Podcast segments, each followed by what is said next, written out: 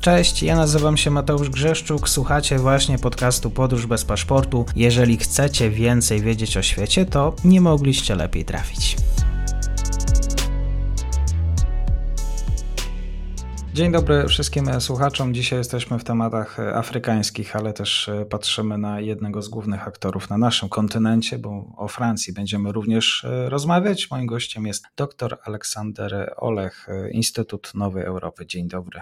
Dzień dobry Państwu, kłaniam się nisko. Mali zadeklarowało, kraj afrykański zadeklarował, że Francja nie ma już podstawy prawnej do prowadzenia operacji wojskowych właśnie w tym kraju. Oczywiście mowa tu o rezygnacji z porozumień obronnych. Tak może na początku, co to były za porozumienia? No, Francja miała pierwsze porozumienia już w 2013 roku na prośbę malijskiego rządu. Miała tam być interwencja zbrojna, gdzie tak generalnie jest neutralizacja środowisk terrorystycznych. Tak to się wszystko oficjalnie zaczęło. No i okazuje się jednak, że Malijczycy zdecydowali się tę współpracę uciąć. Co było głównym powodem? Co jest tym powodem?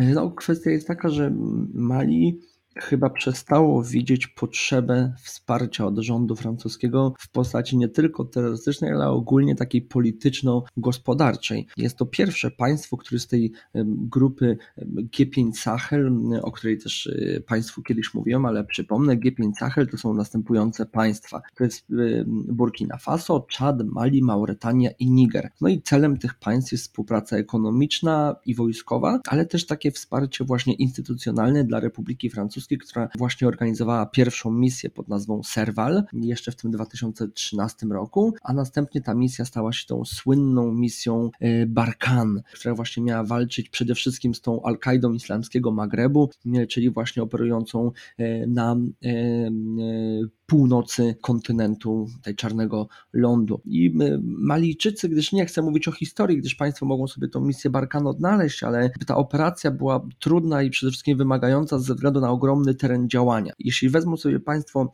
taki program do porównywania map i zobaczą, jak ogromne problemy Federacja Rosyjska ma na Ukrainie ze względu na rozległość terenu, to wtedy nakładając obraz Ukrainy właśnie na Mali, Niger i Czad, to jest przeogromny teren, przeogromny teren. I teraz tak, może możemy otwarcie powiedzieć, że głównym problemem Francji w Mali jest Federacja Rosyjska. Trzeba przyznać, że to Rosjanie bardzo sprawnie e, poradzili sobie przy wykorzystywaniu przy swoich grup prywatnych, między innymi tej słynnej grupy Wagnera, ale też przekonały tym rząd malijski.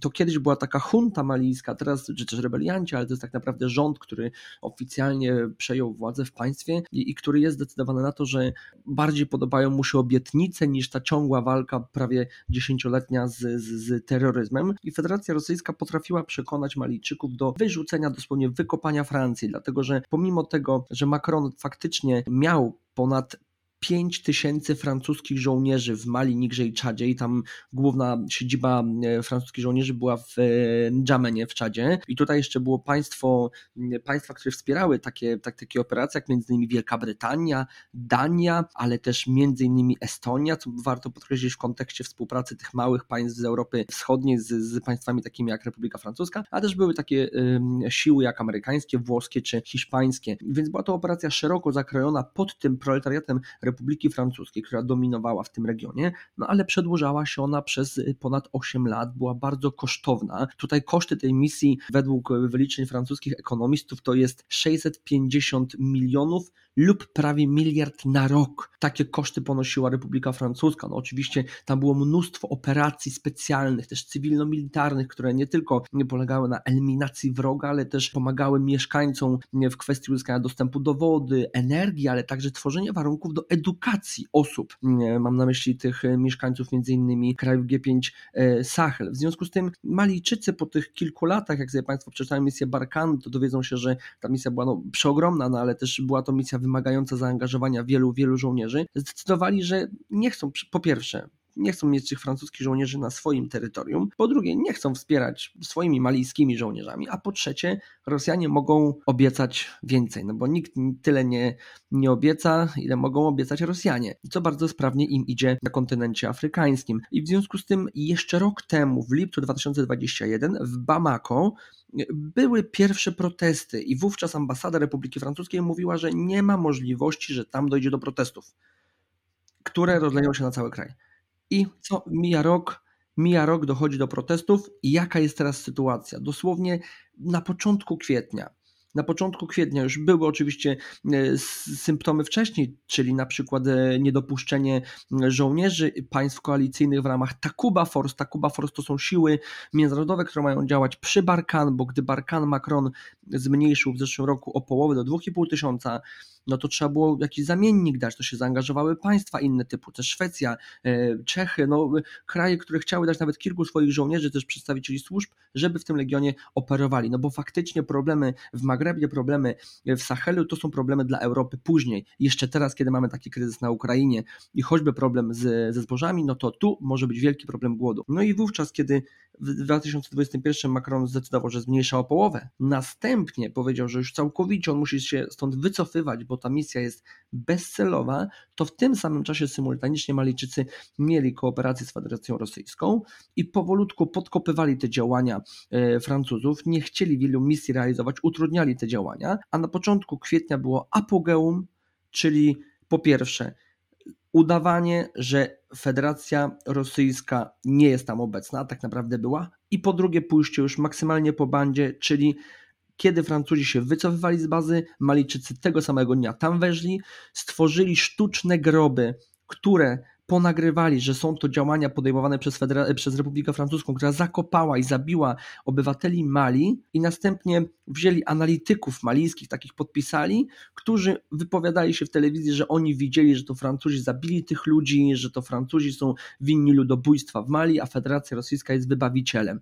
Niestety drony Republiki Francuskiej wywiadowcze nagrały to i widziały, że cała ta operacja była sfingowana, że to była dezinformacja, a był to tak naprawdę cios dla Republiki Francuskiej za to, że Francuzi wysłali swoją żandarmerię narodową na Ukrainę badać, czy też w Ukrainę, jak preferują słuchacze, badać zbrodnie Federacji Rosyjskiej, czyli Francuzi wysyłając swoje e, swoje e, siły do badań zbrodni rosyjskich w Ukrainie, automatycznie e, zostali tak powiem, pokarani przez Federację Rosyjską, która zaczęła badać zbrodnie francuskie w Mali i co też przedstawiła w ramach takiej narodowej narracji, że to faktycznie Francuzi. No ale Francuzi to nagrali, więc Malijczycy powiedzieli nie, nie będą Francuzi więcej na naszym terytorium, przecież już tyle set lat tutaj byli, przecież tutaj e, działają, tutaj też e, chcieli mieć swoje wojska i co się stało? I stało się tak, że Malijczycy powiedzieli, że żadna obecność Francuzów nie jest legalna na terytorium Mali,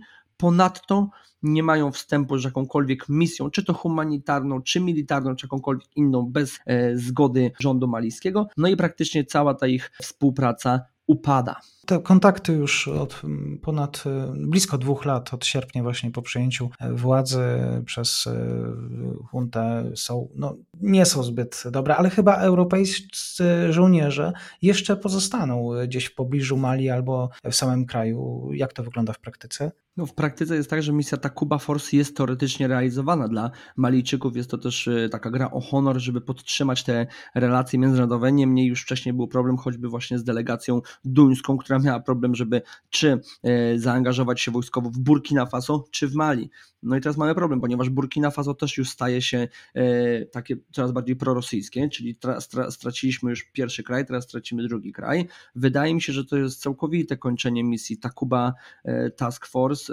To nie będzie funkcjonowało w takim kształcie, gdyż no Francuzi byli no, takim głównym trzonem tej misji mm, i jest to raczej granie już teraz na, na zwłokę, żeby jeszcze utrzymać e, trochę osób, dlatego że faktycznie no, jeszcze w zeszłym roku dołączyli choćby Rumunii, Unii, e, ale no nie, jest, nie jest to coś, co, co faktycznie może być kluczowe dla, e, czy dla Mali, czy dla mm, państw europejskich, czy zagranicznych, to bo co Mali może teraz zaoferować, które utrzymuje kontakty z Federacją Rosyjską, wpuszcza tutaj Wagnerowców, wpuszcza rosyjskie siły zbrojne, nagrywa operacje przeciw Francji i tu na jej terenie teraz mają być realizowane działania prodemokratyczne czy propokojowe. Jedyne, co może ratować Mali, czy też utrzymywać Takubę Task Force, to są właśnie podejście Nigru, Y, Czadu czy może Mauretanii. Tak jest. Dzisiaj w komentarzu dr Aleksander Olech. Serdecznie dziękuję za spotkanie. Dziękuję ślicznie, kłaniam się nisko. Do zobaczenia.